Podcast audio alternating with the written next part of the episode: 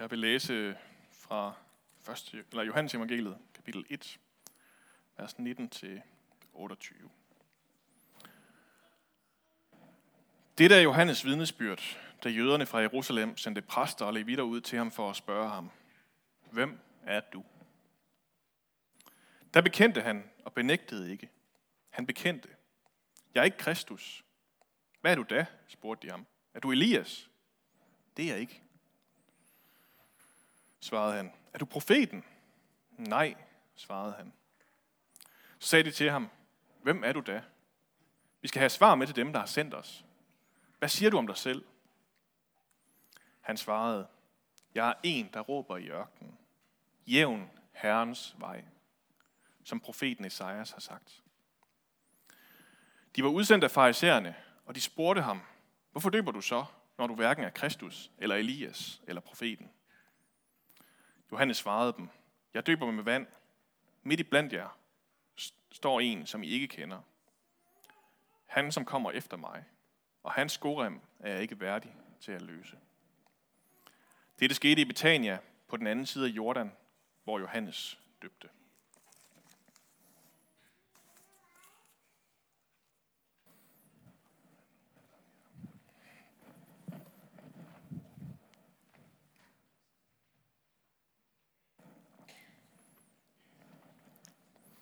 Det er godt at stå her igen.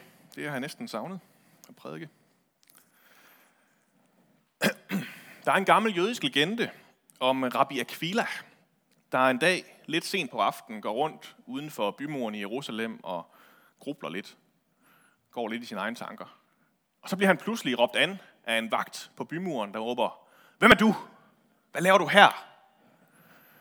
Og Rabbi Aquila, han går stadig lidt rundt i sine egne tanker, øh, og fanger ikke lige, så er vagten nødt til at råbe igen. Hvem er du? Hvad laver du her? Og så får Rabbi Akvila alligevel hørt det, og han kigger op, og han, øh, han, han spørger vagten der, hvad får du i løn? Øh, og vagten bliver lige lidt sådan forfjamsket over det, og øh, svarer til sidst, øh, sådan, hvorfor, hvorfor vil du vide det? Jo, jeg vil betale dig det dobbelte, hvis du vil komme forbi mit hus hver dag og stille mig de to spørgsmål. Hvem er du? Og hvad laver du her? Jeg tænker egentlig også, det er det, jeg sådan får min løn for, at stille folk de spørgsmål. Hvem er du? Hvad laver du her? Øh, så i dag, så får vi simpelthen, så får Johannes stillet de her to spørgsmål, og vi får hans svar. Og det er sådan en af de der svar, der ikke første gang, omgang virker som om, at det bliver man ikke så meget klogere af. Øh, det er sådan en af de der bibeltekster, der er lidt mere forvirrende, end den sådan lige er alt muligt andet. Men Johannes han er så heldig, at han er tilstrækkeligt mærkelig til, at der er folk, der gider at komme helt ud i ørkenen for at stille ham de her to spørgsmål. Øh, Johannes han har jo været i gang et godt stykke tid allerede på det her tidspunkt. Han er blevet sådan en rigtig tilløbsstykke, fordi folk de skal ud og se, hvad det er for en kamel, der står derude. Der render sådan en vanvittig mand rundt i øh, kamelulstøj. Han render og spiser græshopper og honning. Det er det, han lever af. Insekter. Og så går han og kalder folk for, for øjleyngel og siger, at deres træ, træ skal hugges om ved roden øh, hvis de bærer dårlig frugt. Og det er ligesom om, folk er helt vilde med det. De bliver ved med at rende ud og høre, hvad er det for noget? Øh, folk de kommer alle mulige steder fra, og de bliver så fascineret, eller så bliver de bare så skræmte af det, han siger, at de oven i købet lader sig døbe af ham. Og nu er det ved at gribe om sig i sådan en grad, at selv præsterne, de skal med på trenden, ud og se, hvad det her er for noget. Vi er altid de sidste. Øh, og øh, de må simpelthen lige finde ud af, hvad det er, der står. Hvem er du, Johannes? Vi er nødt til lige at kunne sætte dig ind i kassen. Så de konfronterer ham med forskellige messianske identiteter. Er du øh, Kristus? Er du Elias? Er du profeten? Er du på en eller anden måde kommet for at frelse os? Kommet for at redde os ud af romernes klør? Få startet en ordentlig opstand. Vi skal bruge en, en leder. Vi vil have en ny Luke Skywalker, eller en Judas Maccabæren, eller hvad de nu øh, lige havde referencer om. Øh, og så kommer Johannes' svar på det, og det er super, super antiklimatisk. Jeg er en, der råber i ørkenen. Jamen, jeg er bare sådan en, der går og råber lidt i ørkenen. Øh, der var der ikke nogen mennesker, der kan høre, hvad, hvad, hvad man siger, det er der, jeg går og, og snakker. Øh, det virker dybt absurd og formålsløst at være en, der råber i ørkenen. Jeg har godt overvejet, om det var sådan noget, jeg burde forsøge, øh, forsøge mig med at svare næste gang, der er en, der spørger mig til en fest, hvad jeg så laver. Jamen, jeg er bare en, der råber i ørkenen. Jo, jo, jeg har været i gang i 10 måneder. Det er vældig, det er vældig spændende. Øh, øh, sådan så se, hvor hurtigt folk de ligesom trækker væk fra mig igen bagefter. Øh, man bliver så næsten lidt bekymret for Johannes. For han svarer jo med sin funktion. Og det ved vi jo fra Svend Brinkmann og alle de andre, at det er jo faktisk et såkaldt instrumentielt menneskesyn, han giver udtryk for, ikke også? Øh, så er han blevet lige med det, han gør, og det er lidt farligt, fordi mennesket har iboende værdi. Det vil jeg jo som præst også skrive under på. Øh, det er ikke sådan, at vi kun har værdi ud fra det, vi gør. Så han kan ikke bare være en, der råber i ørkenen. Han er nødt til at være noget mere end det. Og jeg skal ikke kan svare på, om Johannes han er lidt enøjet her. Der kan godt gå sådan lidt kaptajn Hatter og i ham en gang imellem. Øh, men nu svarer han jo lige præcis nogle præster, som meget gerne vil give ham en helt officiel kasket på, og gerne vil gøre ham til en hest, som de så enten kan, kan ride, eller de kan slagte. Og den går Johannes simpelthen ikke med på. Så han går helt ind i absurditeterne i stedet for, for at forklare, hvem han er. Og så alligevel ikke helt, fordi nogle af præsterne har måske læst deres Torah, og de ved godt, at det er Esajas bog, kapitel 40, han citerer. Og øh, de lyder sådan her. Der er en, der råber, ban herrens vej i ørkenen. Jævn en vej for vor Gud i det øde land. Hver dal skal hæves, hver bjerg og hver høj skal sænkes. Klippeland skal blive til slette, og bakkeland til dal. Herrens herlighed skal åbenbares, og alle mennesker skal se den. Herren selv har talt.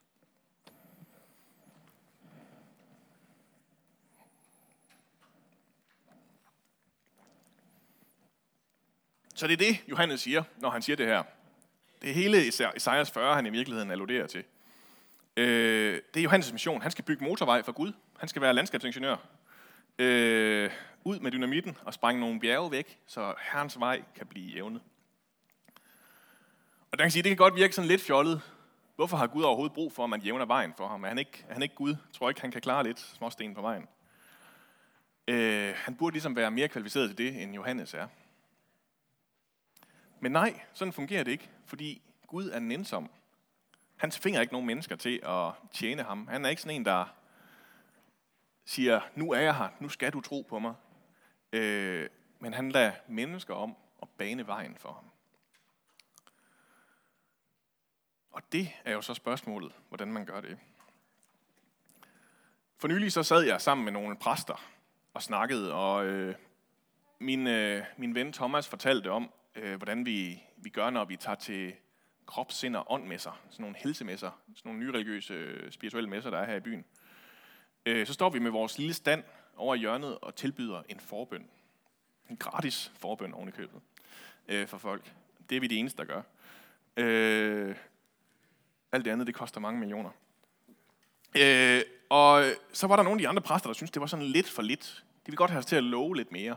Kunne vi ikke have sådan en skilt med, at der også var gratis helbredelser, eller øh, gratis profetier, eller sådan et eller andet.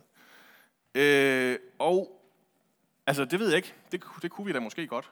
Men så svarede Thomas, at øh, når vi ikke gjorde det, så var det fordi, at i det her miljø, der er der en kæmpe, kæmpe stor risiko for at blive guruen. Blive ham, som alle følger efter, ikke også? Ham derovre. Han har altså en særlig adgang til Gud. Ham skal vi over have fat i. Og den rolle, den vil han simpelthen ikke gå ind i.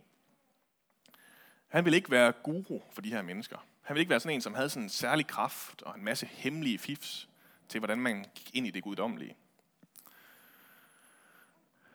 Og det er det samme, Johannes han har gang i her. De prøver at sætte ham til at være guruen. Og man kan sige, på rigtig mange måder, så passer han jo super godt ind i den her rolle. Det er mest noget med, at man skal opføre sig tilstrækkeligt mærkeligt, ikke også? Og det gør han. Øh, sige nogle uforståelige ting, som folk kan grunde over. Og det gør han. Og derfor så flokkes folk omkring ham, og han har faktisk masser af disciple. Men det, der er forskellen, det er, at han peger ikke på sig selv. Han peger på en anden. Så Johannes han træder ind i den her rolle som guru, men han træder også ud af den igen. Fordi han er der for at bane Herrens vej. Han er der ikke for at bane sin egen vej. Og strategien til det, det kan godt sådan synes nærmest vanvittigt. Men det er den eneste mulige måde for ham at gøre det, som han er kaldet til. At bane Herrens vej. Og op igennem kirkens historie, så har munkene opdaget det gang på gang. Lige fra de første ørkenfædre, der i sorg over, at kirken var blevet en del af imperiet, at det nærmest var kejseren, der styrede mere end kirken selv, så drog de ud i ørkenen, og så søgte de Gud der. De levede et liv i bøn og faste, fordi de var nødt til det. De kunne ikke finde ham, de kunne ikke finde Gud inde i magtens centrum. Så de ville ud og møde Gud i ørkenen. 100 år senere, så har vi Benedikt, den, som starter den første store klosterorden, Benediktinerorden. Og øh, han kan simpelthen bare se, at der er et stort behov i tiden for folk, der trækker sig tilbage fra verden og lever et liv i ydmyghed og stilhed og fællesskab i klosteret. 600 år senere, så er det ved at være gået galt igen. Øh, klosterne de er simpelthen blevet så rige, fordi de har levet så stille og ydmygt. Og derfor så, øh, så møder vi Frans, øh, som egentlig var søn af en rig købmand, levede det fede, rige liv, øh, smed om sig med pengene. Men en dag, så bliver han bare træt af det hele. Og han kan se, så han, han, bliver, han bliver kristen, og han bliver from. Men der er det problem, at kirken er også blevet sådan en rig, øh, smiden om som er penge, øh, foretagende. Den er blevet alt for rig og magtfuld. Så derfor så stifter han en ny orden, franciskanerorden, hvor det vigtigste, det er et fattigdomsløfte. Man skal simpelthen afgive alt, hvad man ejer, for at være med. Og øh, det kan omverdenen jo ikke andet end grine af. Tiggermunke, der render rundt og skal tigge sig til dagen af vejen. Men det var Frances måde at søge Gud i den her verden.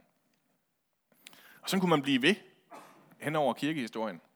I dag så har vi for eksempel Red Letter Christians i USA, der i protest mod den amerikaniserede, politiserede kristendom i USA, er gået tilbage til Bibelen for at se, hvad er det egentlig, den siger? Hvad er det, der står med rødt? I nogle versioner af Bibelen, så er alt det, der står med rødt, det er Jesu ord. Øh, så de kigger på dem og siger, hvad er det egentlig, Jesus siger til os, vi skal gøre? Det er måske ikke at bombe øh, lande i verden. Så de er flyttet ud blandt de fattige i Amerikas byer. Og de syr blandt andet deres eget tøj, øh, mange af dem, og arbejder blandt de lokale. Der er en, der har startet en virksomhed, hvor man smider våben om til plovjern, for eksempel. Øh, og sådan er kirkens historie fuld af historier om mennesker, som baner Herrens vej. Som peger væk fra sig selv over på Kristus. Som er nødt til at gå imod strømmen, mod det normale og det forventelige, for at kunne gøre det. Og jeg kan også sådan blive lidt nervøs for, hvor det lige stiller mig henne. Øh, om, øh, om folk vurderer, at jeg nu er mærkelig nok. Øh, I dag har jeg trods alt taget min fine kjole på, og det synes jeg da selv er sådan ok ydmygende. Øh, men ellers så lever jeg et nogenlunde almindeligt liv. Og det gør jeg også, fordi jeg tænker, jeg har måske lidt den modsatte opgave af Johannes. Øh, der er rigeligt med mennesker, der har gjort kristendommen mærkelig og uforståelig, og op lige lovligt højt allerede. Så jeg må nok hellere være ham, der gør lidt af det andet. øh, træk lidt i den anden retning. Bare nøjes med almindelig uldtøj, i stedet for kameluld. Og ja, jeg kan sådan være lidt i tvivl om, hvor det placerer mig. Og det minder mig om en historie fra øh, den svenske teolog Magnus Malm, øh, som taler om to forskellige tilgange til at være kristen.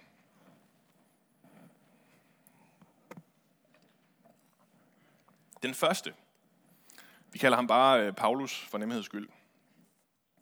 Når han tænker på sit liv og sin rolle som kristen, så lyder det omtrent sådan her. Jeg er en beholder for Gud. Ja, det er faktisk en ganske god beholder. Og jeg tror, at Gud er glad for, at jeg har stillet mig i hans tjeneste. Nu gælder det om, at jeg i den her beholder samler så meget af Gud, som jeg kan, så jeg kan blive en rigtig god kristen. Og når jeg så har gjort det, så er det blevet min opgave at bevare alt det værdifulde i mig. Jeg skal beskytte det ved hele tiden at sørge for, at der er låg på beholderen, så jeg kan forsvare den mod alle angrebene. Det gælder om, at jeg bliver rigtig stærk, så Gud ikke går i stykker. Og så gælder det selvfølgelig også om at pusse beholderen ordentligt, så jeg vækker Guds tillid. Det skal kunne ses på mig, at jeg repræsenterer Gud. Han må ikke blive til skamme. Han skal kunne være stolt af mig. Det er sådan, Paulus tænker. Og det går meget godt. Men efterhånden så opdager han også, at han, han alligevel bliver ved med at dumme sig lidt en gang imellem. Der er svagheder og synder i hans liv, som ikke rigtig passer ned i den her beholder. Øh, det er ikke kun Gud, der er dernede faktisk. Og hvis det blev offentligt kendt, så, må, så ville det jo underminere Guds troværdighed fuldstændig. Hvad vil folk ikke tro, hvis de vidste, hvordan jeg har det, tænker Paulus. Og derfor så trykker han det, det onde, det han ikke kan få til at passe ind i sit liv, længere og længere ned i beholderen. Øh, det må ikke komme frem. Og så stedet så sætter han alt ind på at fremhæve sin gode personlighed og alle de fine arbejdsindsatser, han har gjort. Og det skaber tiltro til ham, og derfor efter så skaber det selvfølgelig også tiltro til Gud. De er begge to gode og retfærdige. De tager ikke fejl. Det kan godt være lidt hårdt en gang imellem kun at vise sig fra sin åndelige side. Men det er jo prisen, hvis man gerne vil være en god kristen. Guds værk kan ikke være tjent med, at Paulus klager over lidt træthed. Så det, er bare, så det er bare på med endnu et bredere smil og endnu et friskere budskab. Men en dag, så springer beholderen altså i luften og eksploderer. Og så er der altså ikke særlig meget tilbage af Paulus længere, og den identitet, han havde bygget op. Så må vi se, om Gud klarer sig. Den anden måde at leve på, øh, ham kalder vi også bare Paulus, det tror jeg er det nemmeste. Øh, når Paulus han skal tale om, hvad det vil sige at være kristen, så siger han sådan her. Jeg har et glasgård for Gud. Han har blændet mig med sit lys. Nu gælder det om, at andre kan se hans lys igennem mig. Derfor så må jeg være tilgængelig for hans lys, og så ren som muligt, så jeg ikke hindrer det. Når lyset falder på glasset, så træder alle pletterne godt nok også frem. Men det er der ikke noget at gøre ved. Jeg må sætte mit, ly, min lid til, at Gud vil lade sit lys skinne så meget stærkere i Kristus. Jo stærkere jeg selv er, jo mindre lys slipper der faktisk igennem. Så min udvikling som kristen, den må gå imod større svaghed og sårbarhed, snarere end større styrke. Og eftersom et glasgård ikke selv, naturligvis ikke selv kan oplagre lys, men kun lade lys slippe igennem sig, så gælder det nu om, at jeg lever så nær Gud som muligt, i konstant afhængighed af ham, af hans nærvær i mit liv. Og hvis jeg skulle knuses, så er det jo faktisk ikke verden, der bliver knust. Guds lys, det lyder stadig, lyser stadig. Vi bliver simpelthen så trætte, når vi prøver at agere beholder. Øh, og det kan vi nemt komme til, når vi hører om alle de her radikale mennesker i Bibelen og kirkehistorien, og hører præsten fortælle idealiseret om, hvordan det er at være kristen. Nej, det er faktisk ikke det, vi er kaldet til. Vi er kaldet til at være glasgård, til at træde frem i svaghed og lade Guds lys skinne igennem os. Det er det, der er det radikale. Det er det, der er det mærkelige, som verden ikke kan forstå eller forholde sig til. Og selvom man hurtigt kan lade sig distrahere af alt Johannes tøj og hans mad og hans råben og skrigen, så er det faktisk også det, der er hans vidnesbyrd. Det er det allermest mærkelige ved ham. For især, de vil gerne have ham til at fortælle, nu når han ikke vil være Kristus, hvad for en kraft er det så, du døber med? Og så lyder det, jeg døber med vand. Midt i blandt der står en, som I ikke kender. Han, som kommer efter mig. Og hans skorem er jeg ikke værdig til at løse. Johannes han peger ikke på sig selv. Han peger på Kristus. Og det er der, hans værdighed kommer fra. For godt nok så siger han, at hans skorem er han ikke værdig til at løse. Jesus skorem er han ikke værdig til at løse. Men dagen efter, så kommer Jesus forbi, og han fejrer hen over alle Johannes' undskyldninger. Og så beder han ham om at døbe ham, og være den, som simpelthen får lov at indvarsle, at nu er Guds søn kommet til jorden. Johannes han har al værdighed i Jesu øjne. I den mand, som selv vasker vores fødder og viser os, hvem vi er, så er Johannes uendelig meget værd. Og lidt tidligere i Johannes evangeliet, så får vi faktisk opsummering af, hvem Johannes var. Vers 6-9, der lyder det sådan her. Der kom et menneske, udsendt af Gud. Hans navn var Johannes. Han kom for at aflægge vidnesbyrd. Han skulle vidne om lyset, for at alle skulle komme til tro ved ham. Selv var han ikke lyset, men han skulle vidne om lyset. Lyset, det sande lys, som oplyser et hvert menneske, var ved at komme til verden. Det er det lys, vi tror på. Det lys, som oplyser et hvert menneske. Som, som Leonard Cohens sang øh, hedder det nu. There's a crack in everything. It's how the light gets in. Det lys, det skinner igennem os. Det skinner igennem vores revner og vores pletter. Og øh, det er fantastisk. Så hvem er du? spørger vagten, eller præsten, eller hvem det nu er. Jeg er glasgård for Herren. Et barn af Gud, der skinner i verden med alt, hvad der er mig. Alt, hvad det indebærer. Og det peger faktisk hen på Gud. Hvad laver du her? Jeg jævner Herrens vej? Og far, vi beder om, at du må stå frem. Vi må stå frem for dig med alle vores revner og sprækker, som de glasgård, vi er. Må de skår, vi har, de pletter, vi bærer på, bare blive oplyst endnu kraftigere af dit lys. Og må alt, hvad vi gør, blive et vidnesbyrd, som baner din vej.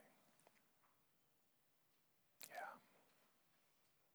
Tak fordi, at du skal blive større, vi skal blive mindre. Tak fordi det er det, der er gør os endnu mere værd. Amen.